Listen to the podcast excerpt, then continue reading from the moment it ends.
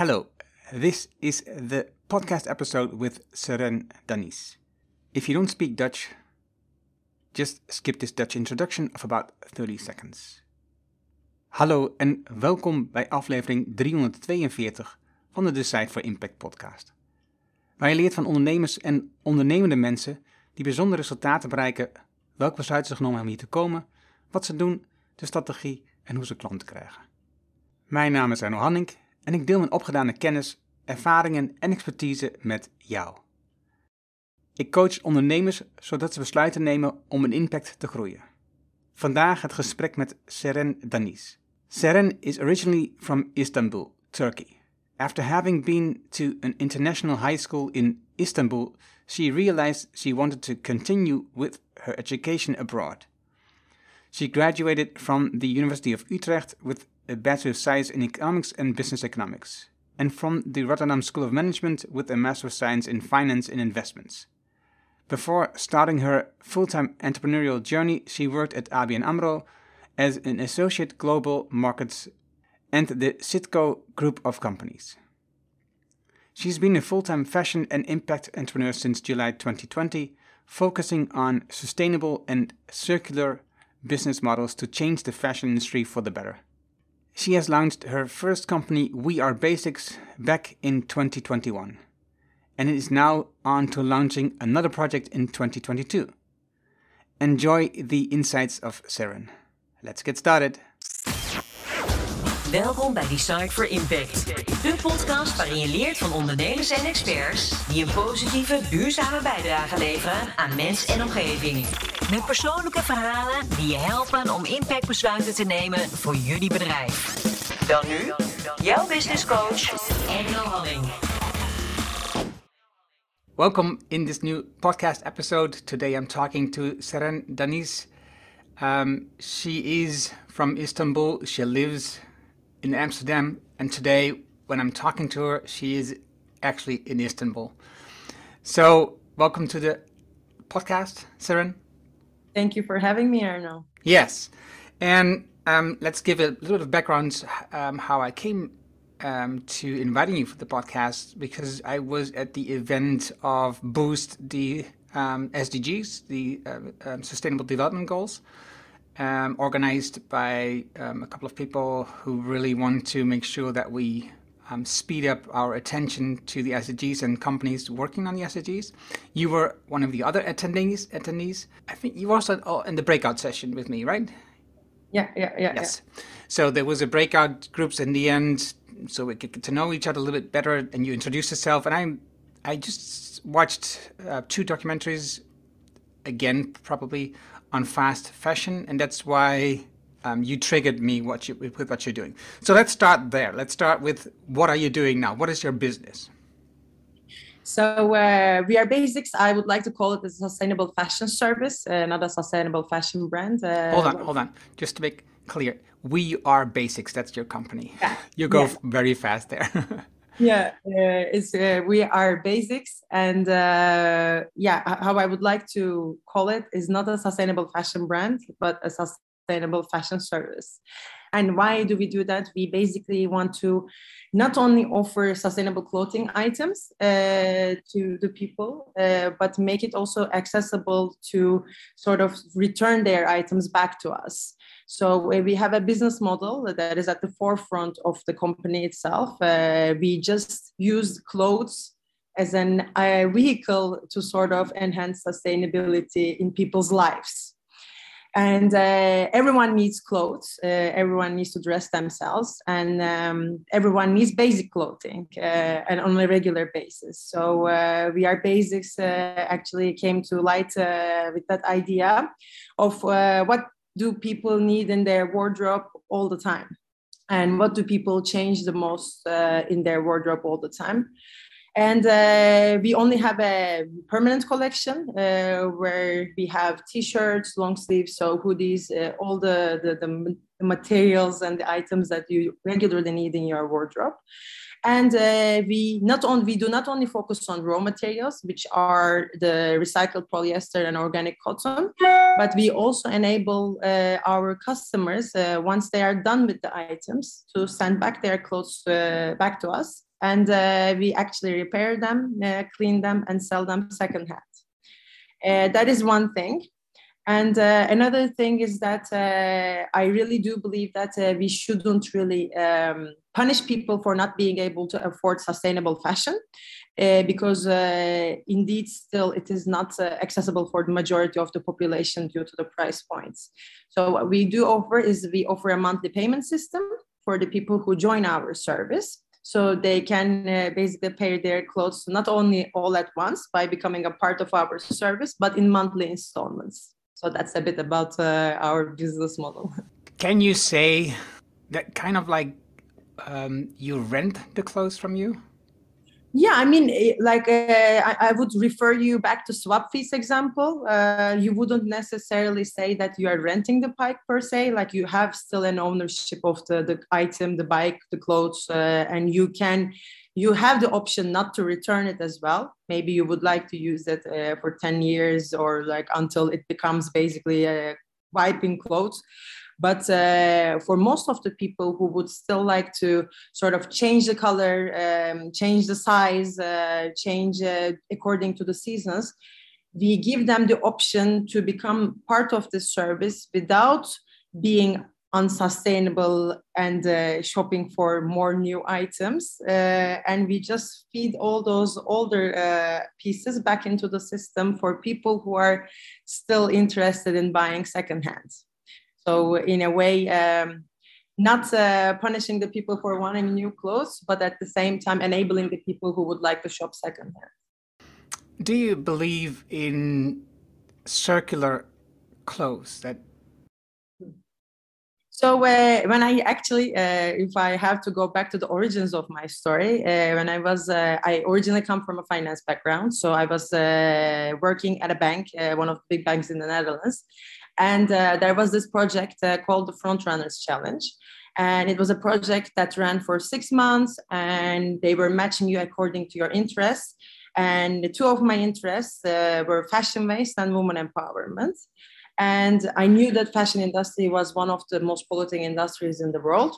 So me uh, coming from a services background, having no experience in manufacturing uh, and uh, have not having seen the factories, my dream was to have a, we call it cradle to cradle fiber manufacturing. So like um, the, the whole initial concept of We Are Basics was uh, we take back the clothes and then uh, eventually when it comes to the end life um, of the garment, uh, we recycle them and then we make new fibers and then we make new clothes out of that obviously uh, this was very utopic later on i found uh, out uh, that the recycling technologies and uh, current systems are not actually uh, very um, supporting of this whole cradle to cradle system. It's getting there definitely with the new technologies chemical recycling technologies but either those are too expensive or not commercialized or mechanical recycling is not very sustainable unless you have very big volumes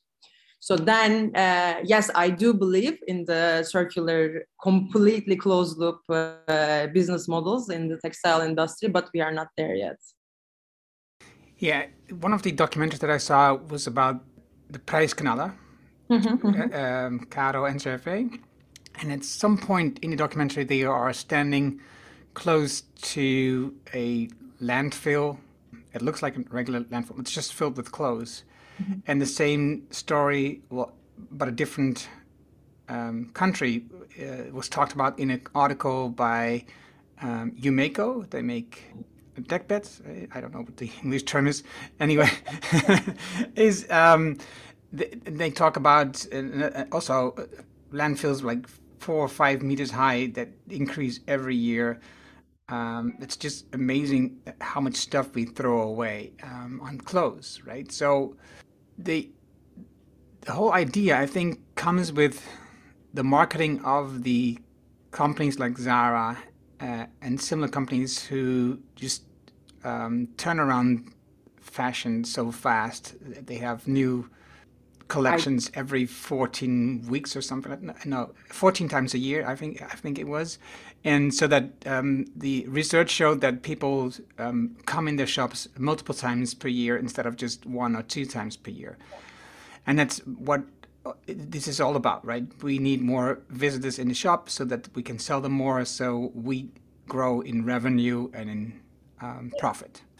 And you just mentioned how difficult it is to completely get a circular fashion world industry. Yeah, yeah. What do you think is necessary to change? What do we need to do as company owners, as consumers, to change um, into a, a an acceptable way of working with clothes? Yeah. Um, so there's actually a lot of uh, things to pack in that question. Uh, first of all, uh, I can uh, talk from the business aspect of things. Um, the business aspect of things, first of all, like one of the things I really deeply believe in is that we need to align our financial incentives with the sustainability incentives, which is most of the times not only missing in the fashion industry, but in a lot of industries across the spectrum after all, we still live in a bay, world based on uh, value creation and a capitalistic uh, system that uh, actually is still uh, values uh, profitability.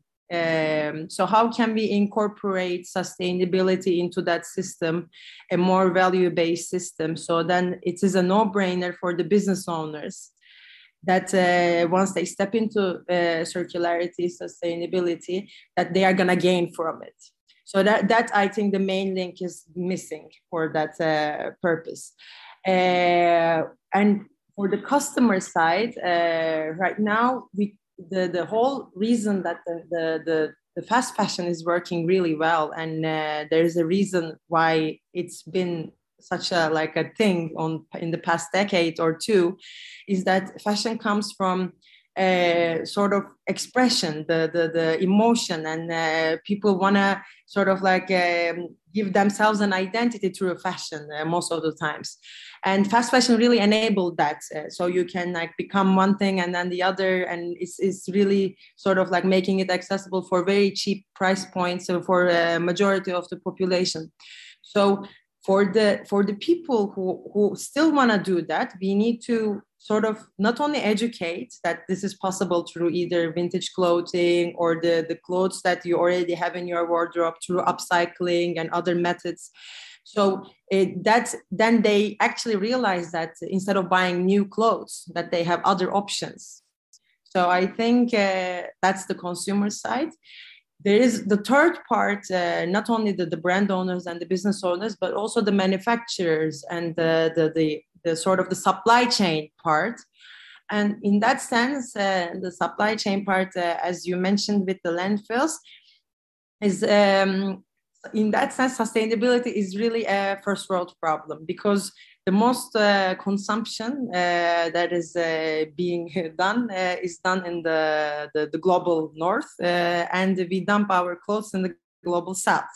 So us uh, going there and teaching them uh, how to manufacture clothes with the, with our certifications, with our uh, fair wear and uh, other sort of like controlling mechanisms is is kind of in a way um, like juxtaposing with the idea of that we are actually the cause of the problem. We should change our business uh, practices and behavior uh, behavior as a consumer first and solve our problems uh, within then uh, actually maybe think about it as a, like a global supply chain issue including the manufacturers because what we dictate eventually trickles down to them anyways. So uh, those are my uh, three pointers uh, for that question. Yeah in the in the documentary about the Price Prijsknaller, you see that uh, when you dump your clothes in these collection boxes, um, your, your clothes that you don't use anymore, and you can't sell on secondhand because they're just not um, not good anymore. Um, they they get um, distributed first. They go to Poland, and the things that can go to Poland go to, for example, Ghana.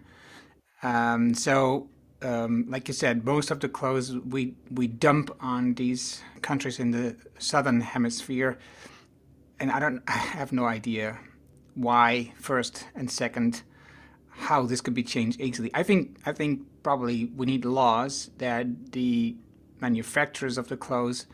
Like we have laws now, for example, like if you have a plastic bottle in the shop and you sell it, you also need to uh, take it back, right? So I think a similar thing should happen um, with the clothes going to the shops, return them, and that's what you do, for example, right? You once you've worn your clothes and you don't like it anymore, um, you just send it back to you.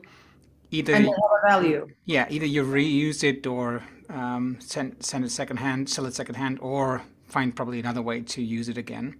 Um, maybe not now, but in the future you will probably.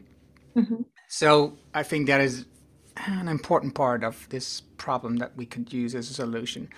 Um, you have studied into the financial direction, right? You studied in the financial world. You've um, been to the uh, University of Utrecht, um, Bachelor of Sciences, Economics and Business, and you talk about how we should incorporate this sustainability idea into the current economic system. Mm-hmm. What if we could change the economic system? Uh, if we could or we couldn't. Uh, if we could.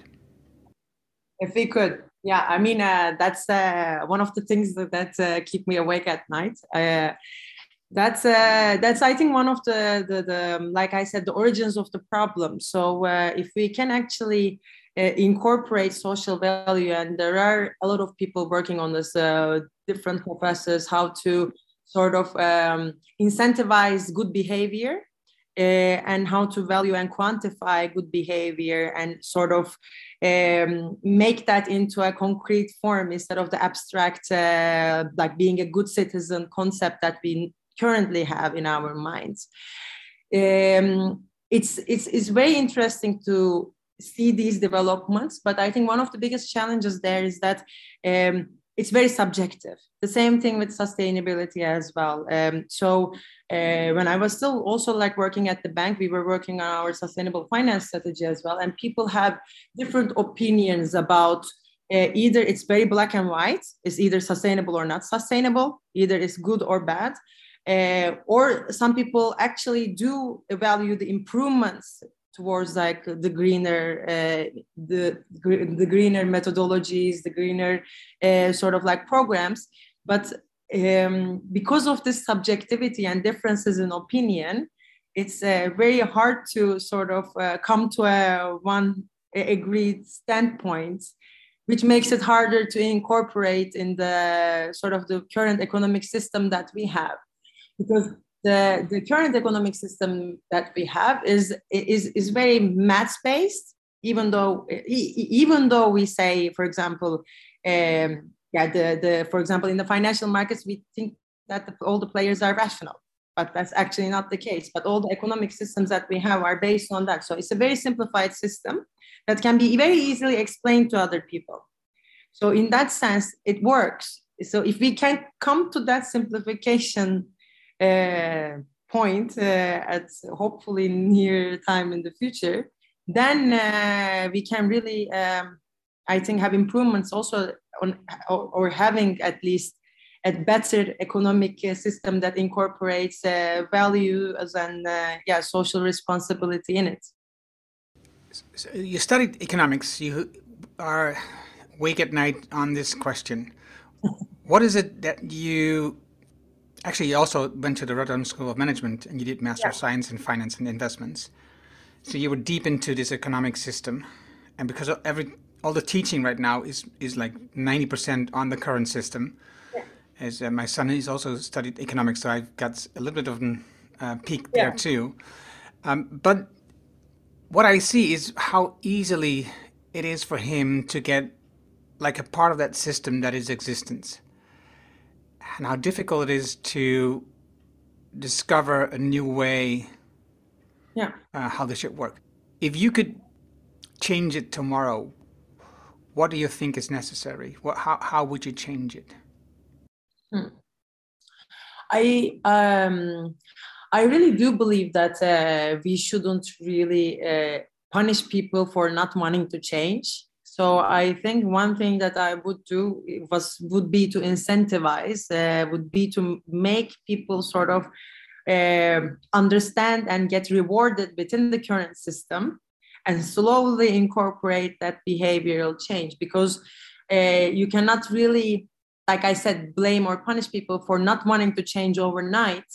But what we can do tomorrow is to actually um, yeah in, incentivize for people for doing good. For example i don't know this is maybe like a very like um, outrageous or like interesting thought but for for the for the people who are doing good behavior or businesses who are doing good practices uh, we have a lot of tax cuts uh, for uh, rewarding other things.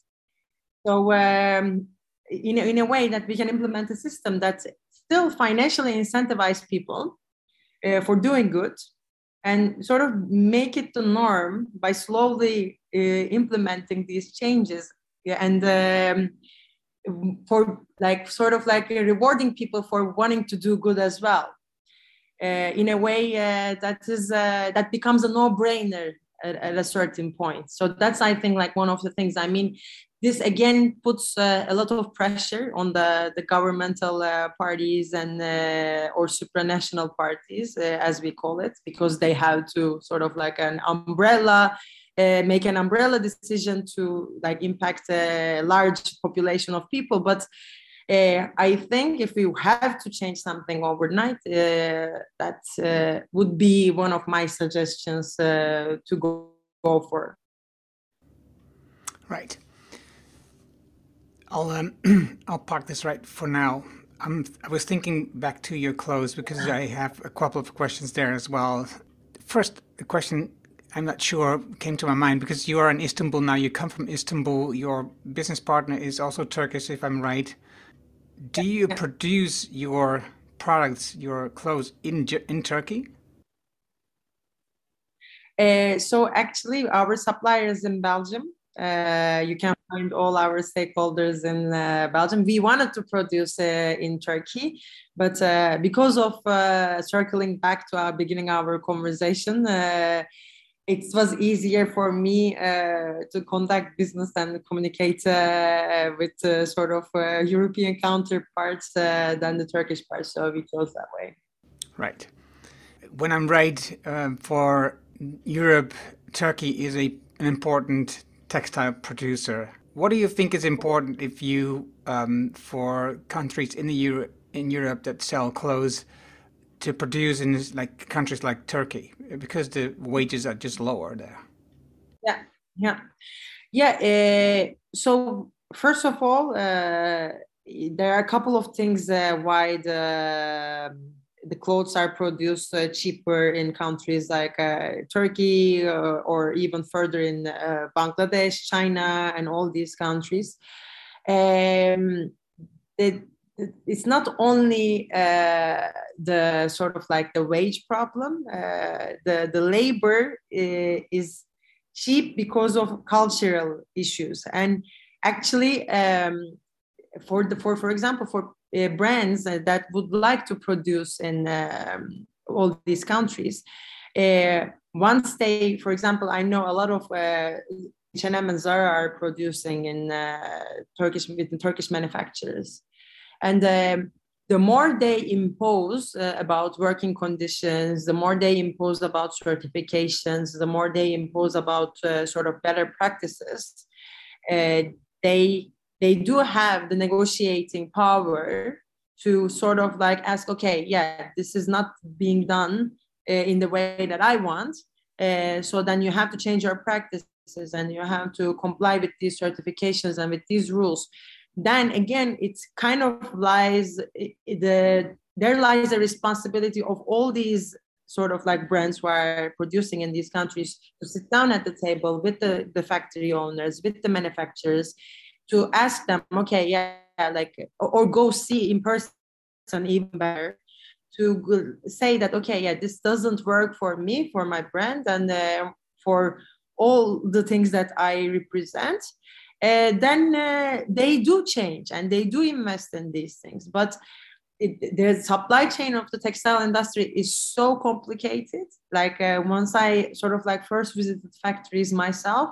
So for example, like you um, you sign a contract with a certain manufacturer, and that manufacturer signs a contract with another manufacturer, and there is almost like an untraceable layer of manufacturers who sort of there becomes the problem. So in the end um, you lose the traceability between the chain.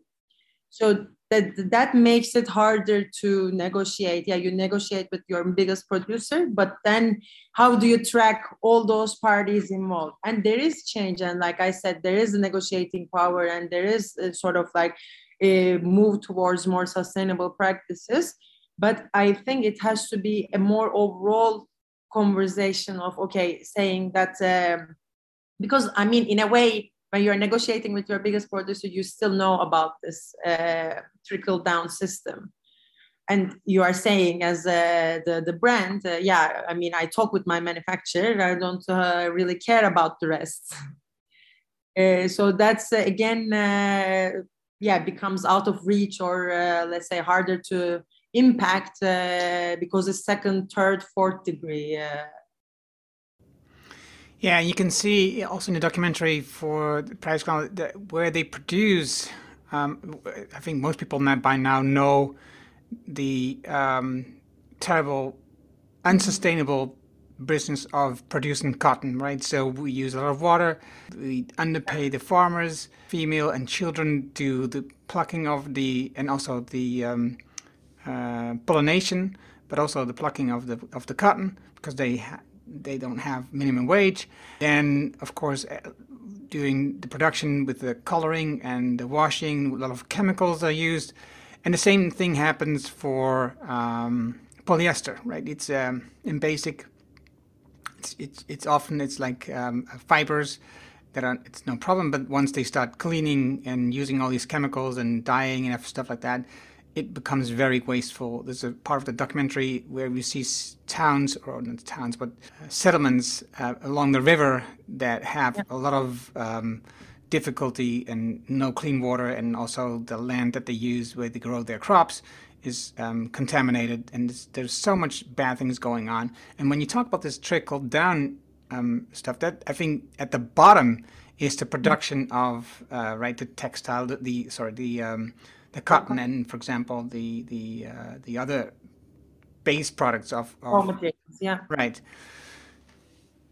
How do you investigate or research or look into the basics of your um, product, of the base of your product? Yeah, so we do have uh, multiple certifications uh, that uh, we use. Uh, one of them is the the GOTS, uh, that is the the prime standard for cotton. Uh, we have the GRS for the recycled standard of our polyester. We have the Fair Wear Foundation certificate for the sort of the working conditions of the the factories that we work with. So um, we do have to sort of uh, take care of this issue by maybe visiting the factories ourselves, seeing and uh, making sure that the people that we work with are according to our standards. Uh, but there's always a transfer of responsibility through certifications. Uh, all these parties are actually like going and checking regularly every year that if the practices are still uh, up to par and like being done right. Uh, that that's basically one of the, the, the, biggest developments in the industry so far. I'm not saying that it's gonna solve the problem from the the, the completely, but in a way it uh, puts a certain amount of pressure uh, for at some point in the chain like i said uh, to have a certain standard and uh, not uh, not not being able to produce in uh, very harsh conditions or sort of like in unsustainable matters with very contaminated areas of, like you said water. And in a way that's that's sort of like what the way we cope with it but uh, ideally, and this is like what we would like to implement, uh, the, the, the whole uh, dream is that uh, having a completely traceable system. So um, the, the like there are practices with blockchain to do this, uh, that you trace your the pr- produced cotton to the fiber maker, to the, the to the manufacturer of the, the fabrics, and then to the confectioner and then to the design and then to the store. So that would be the sort of like the ideal uh, implementation of it. Then uh, you can actually see okay this is uh, when it was uh, like the cotton was uh, taken from this field at this time with this uh, standards and then it cannot be changed at all throughout that supply chain. There are already projects being done again it's really at the early stages but more and more like if these projects come to life then that is actually the whole idea of like sustainability actually comes from traceability so that this transfer of responsibility doesn't happen. So there is not an overarching organization saying that this is right or this is wrong but uh, you can track the, everything step by step uh, as a consumer as well not only as a brand owner and see it uh, for yourself for that matter yeah, I had a conversation with Marieke de Ruyter. She's from the New Fork, also based in Amsterdam. They have like tools and software uh, about traceability with blockchain, um, but then in the food industry. So it's a similar yeah. system and it's a very interesting solution, I believe. Like you said, for the consumer, you can check the clothes if you're really interested in where it's coming from. And, it's, and probably you're pretty sure once uh, blockchain is connected to it, then I think the chances that it is fairly produced is a lot higher when it's not traceable. And you know, also for the brand themselves right now, because I've seen a lot of documentaries where you see the big companies, the big corporations, and they have the corporate office in, in Europe somewhere, and they visit, uh, like with the documentary, they visit the uh, corporate office, and they don't know what's going on. They get these images of footage of uh, um, people that are working not under the right conditions, and they have no clue. So if we do this with blockchain, I think that's a big help. I, I, I agree. That would be a good solution. You have now I believe, like four or five clothing parts, mm-hmm. as you call them, basics. So t-shirts and hoodies. So what are your plans to expand? Because it's just right now it's it is mm-hmm. limited. Mm-hmm. uh, so the whole idea is that uh, we like, like I previously mentioned as well, like for us, the sort of the vehicle is the clothing items uh, to enhance uh, this sustainable or circular business model. So we don't really have um, a vision to have a like a full blown collection that changes every year. This is sort of like the brand identity that we have. We might add different raw materials such as hemp. We might add maybe like one or two other uh, items to our collection that we think is permanent. But every time we do that addition, we actually consider if this is what people need regularly in their wardrobe, uh, if this uh, material is sustainable and uh, can be sustainably produced going forward, and uh, it, it, should not be like for us like it it wasn't the, the whole idea is to have a, like another sustainable fashion brand but uh, to sort of like satisfy the needs of the the consumers so then if we get uh, feedback from the consumers that this is a, an item that they regularly need in their wardrobe, we might also consider that and uh, consider adding that to the collection as well. But this is how we work in a way. We are not looking to just expand and uh, sort of like grow our collection of uh, items, but more of growing our base with our current clothes, sort of like getting people used to the service, used to this uh, sort of um, practicality and the convenience side of circularity. Then uh, with, with our audience and with our customers uh, grow if we need to grow. Right. No I, I, underst- I understood that from the website and i was just wondering for example like pants or dress that's a pretty basic item too in your in your closet. Uh, do you have plans to do that yeah, uh, so we are looking to add uh, the first thing you mentioned as well, the pants uh, to our uh, collection as well, and uh, we are also considering hemp, uh, which I also like just mentioned. It's, it's very interesting material actually in terms of durability as well, and it looks a bit more dressed up. So like for the like most all our items, not most of our items, but all our items are unisex. So that's also in a way completely genderless and uh, is in, we also believe that uh, in a way sustainable so we don't have to produce for men and women and also uh, multitudes of sizes for different men and women uh, but uh, we can do the same thing with this uh, with these two items so those are the things that we are looking to add in the near future okay i can imagine with the amount of advertisement that young hmm. people, mm. Um, your audience, which is between 20 and 40 years, um, get through, for example, Instagram or TikTok, yeah. not TikTok, Instagram for sure, and Facebook. Also, TikTok is actually a huge uh, advertising machine. Okay, okay, okay, okay, good. Because I'm not very into TikTok, so I can imagine that it's it's easier for somebody in your target audience to understand, to see, to believe, to feel that they need to add more clothes to their wardrobe. How will you grow in awareness with Are Basics? Uh, that that will come in time and uh, through our uh, sort of like educating our customers uh, through also like we have to use social media social media is really a vehicle to sort of educate younger people as you mentioned but uh, in a way uh, similar to what we discussed before about this sustainable practices becoming the norm etc it is not going to happen overnight. Uh, we do understand that. And uh, initially uh, it starts with actually the, the quality of the materials and how it looks. So no matter how many times uh, you preach sustainability and the, the, the perks of the service and the business model in the end uh, as uh, like as i also mentioned before like fashion is about expression and fashion is about looking cool. And younger people do want to look cool and uh, you know feel uh, like uh, you know a million pieces. And uh, th- th- there is a that th- that's like one of the things. If we can actually reach to those people and they see that they can actually touch and feel and yeah like i can get this uh, hoodie and then return this color and then get another color back. So like in a way uh, get their foot in the door and then educate them along the way.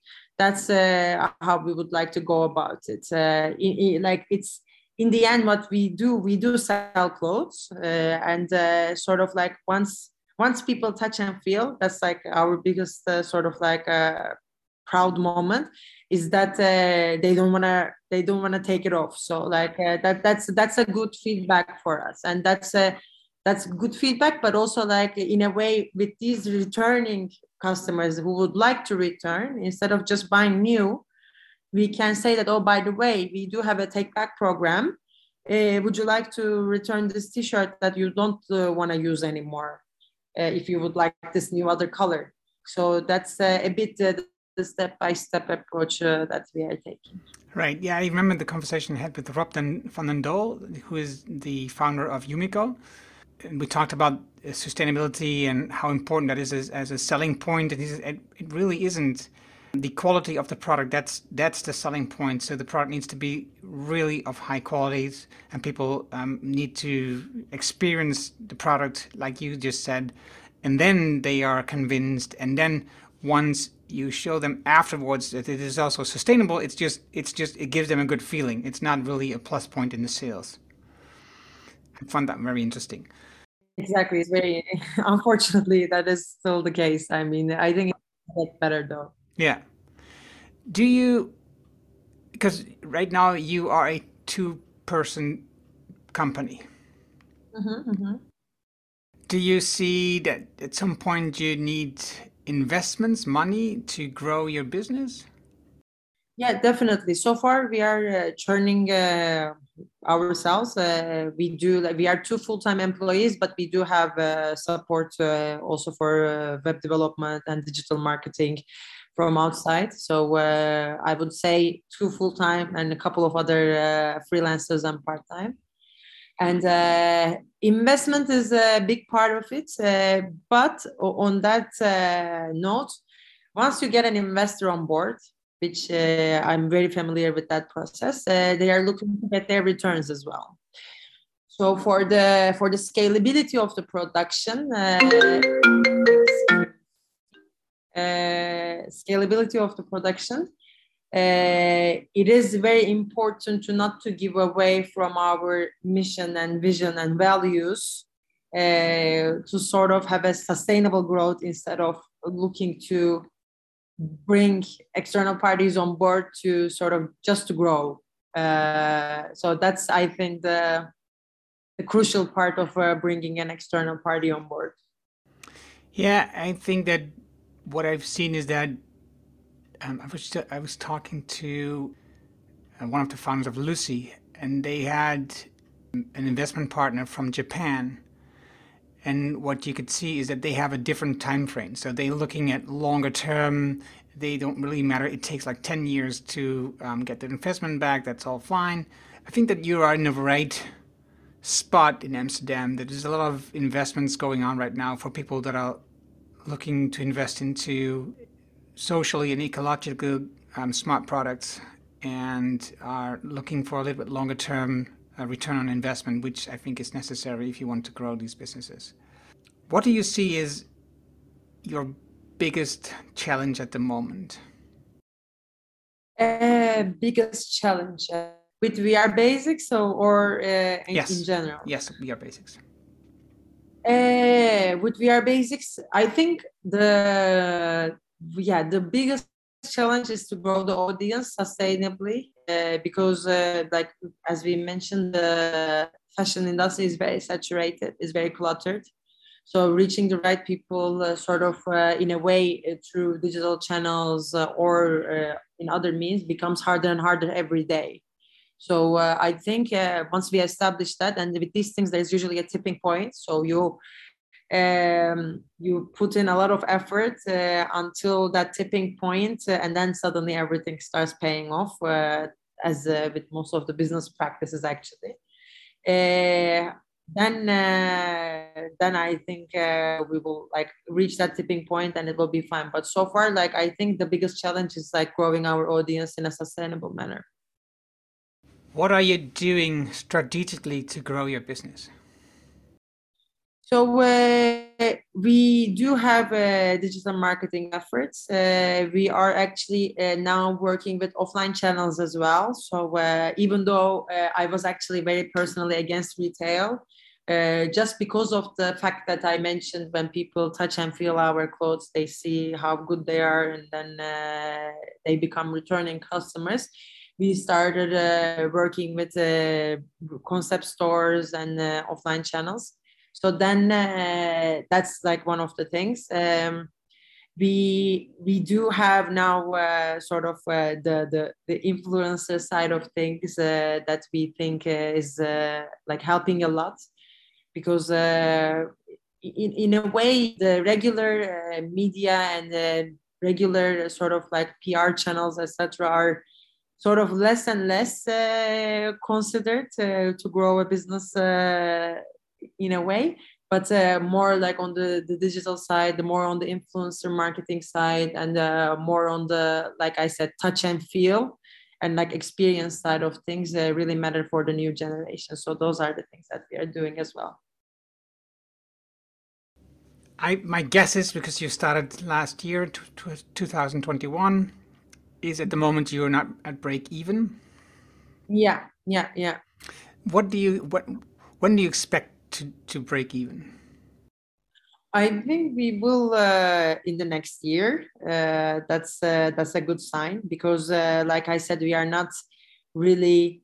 I mean, because I also come from a financial background. Uh, my co-founder is a architecture and design background, so uh, completely different side of the spectrum, which really helps the business as well.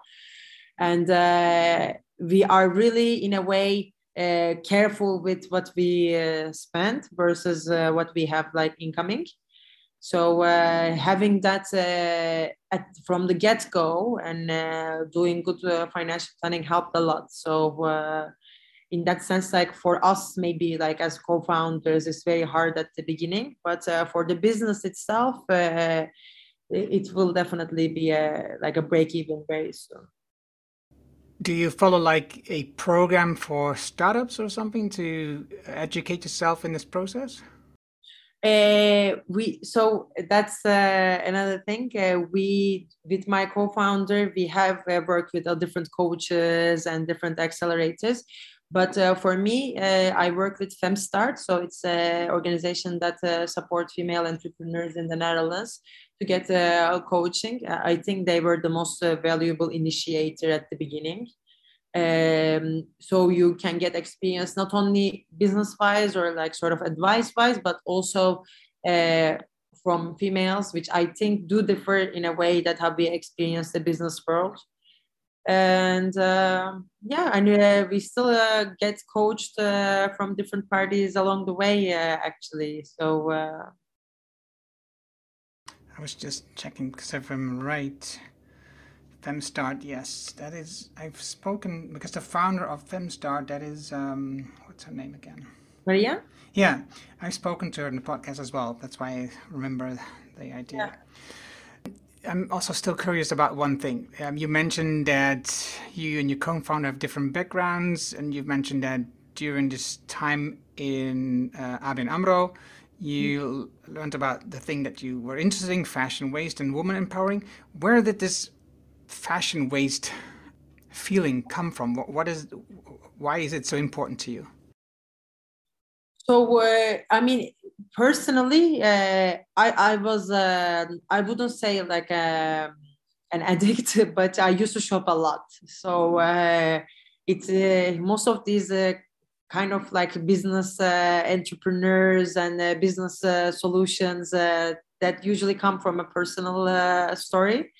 And for me as well, I used to shop a lot, and I I was also like putting them not only like uh, throwing them out but putting them into those uh, things uh, like uh, the donation things. And i would like at some point i had like i was moving actually in amsterdam. Uh, i had uh, almost like six trash bags of clothes in my hand and then i took them to the that little container. And i like i'm like okay where are these going?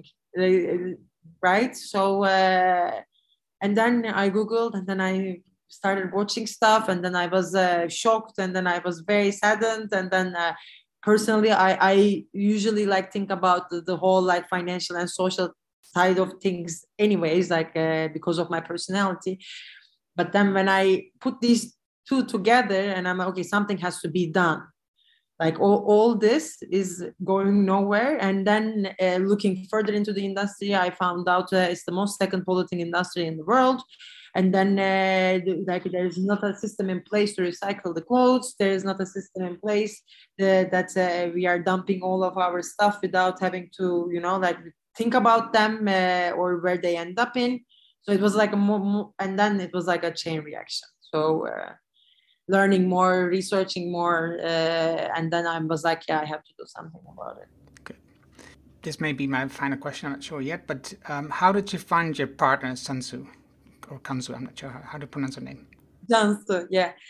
Uh, I went to high school with uh, her brother, so I known her since high school. Uh, that's uh, yeah, the like our school uh, in Istanbul was very special. So like uh, it was an American high school, so in that sense, like we got a lot of exposure to you know different cultures, different business practices. From our teachers, but also from the activities that we joined, also like in Europe, but in the US as well and uh, Jansu through her brother as well. Uh, she did uh, multitudes of exchanges like in the US. Uh, she worked uh, in New York, Portugal, and uh, Milan as well. And we were always like in touch. But uh, very funny enough, when um, this whole project at ABN AMRO ended, and then I decided that I was going to pursue this full time, she was at the time working for a very famous gallery in Milano, Rossano Orlandi and uh, they were doing a project about waste to value.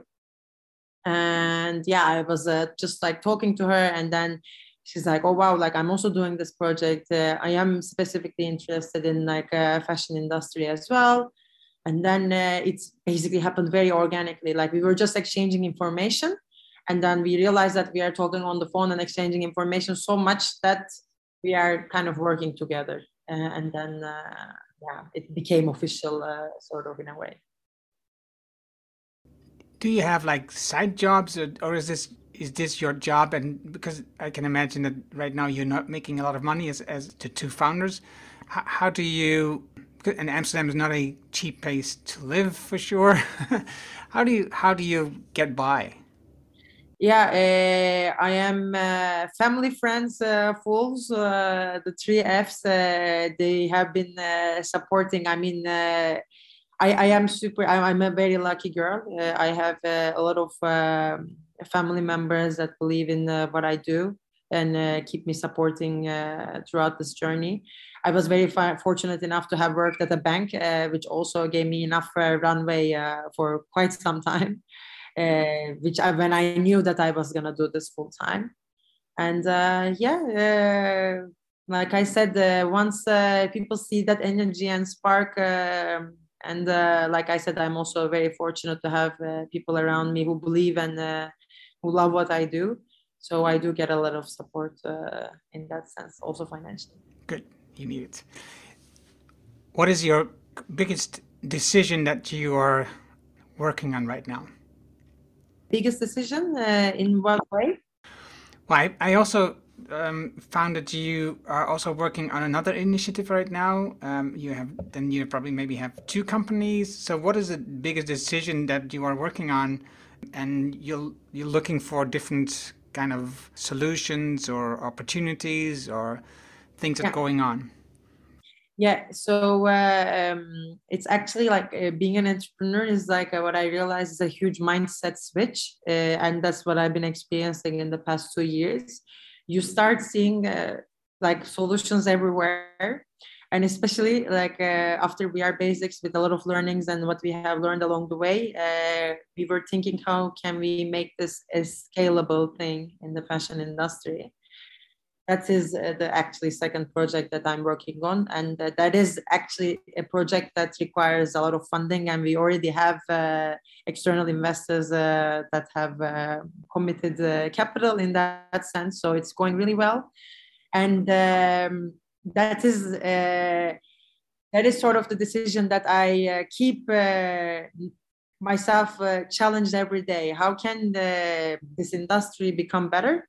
How can this industry become better without um, challenging people and business owners per se? And that is specifically like what we focus uh, with our second company, Circularify, uh, which will hopefully launch in this year as well. And that's that basically implements uh, what we do for Wearebasics, the service model for other brands, sort of enabling them to join the movement and join uh, this circular transition as well. And uh, that's what uh, keeps me awake at night uh, most of the time uh, these days. Good. I love it that things keep you awake because that means you've got fire and um, energy in you to move the things forward because if you if you lose that energy um, then you lose your business Ceren, thank you very much for your insights and your ideas and how you move your company forward. I, I love learning from you and about your business. Yeah, hopefully people also that listen right now and your audience will understand how important it is that we change our behavior towards uh, clothes, clothes that we dump, and um, even if you dump them in these recycle bins that go to like Leger des Heils or something like that, look into the story of of where this where these clothes are going like you did and you will learn that the good feeling that you had when you were dumping them before is gone because it's yeah. not it's not a good it's not a good way and and it, it has nothing to do with the organization behind it it just has to do with the whole system yeah.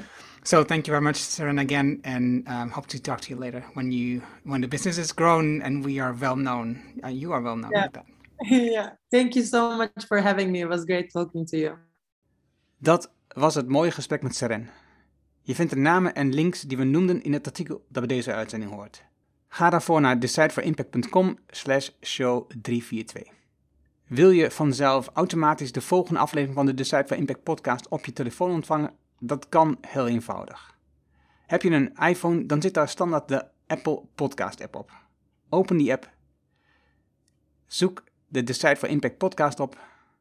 Klik op abonneer. En vink even aan dat je de, de aflevering vanaf nu wilt downloaden. Heb je een Android-telefoon, installeer dan eerst bijvoorbeeld de Player FM app. Zoek daar de Decide for Impact podcast op.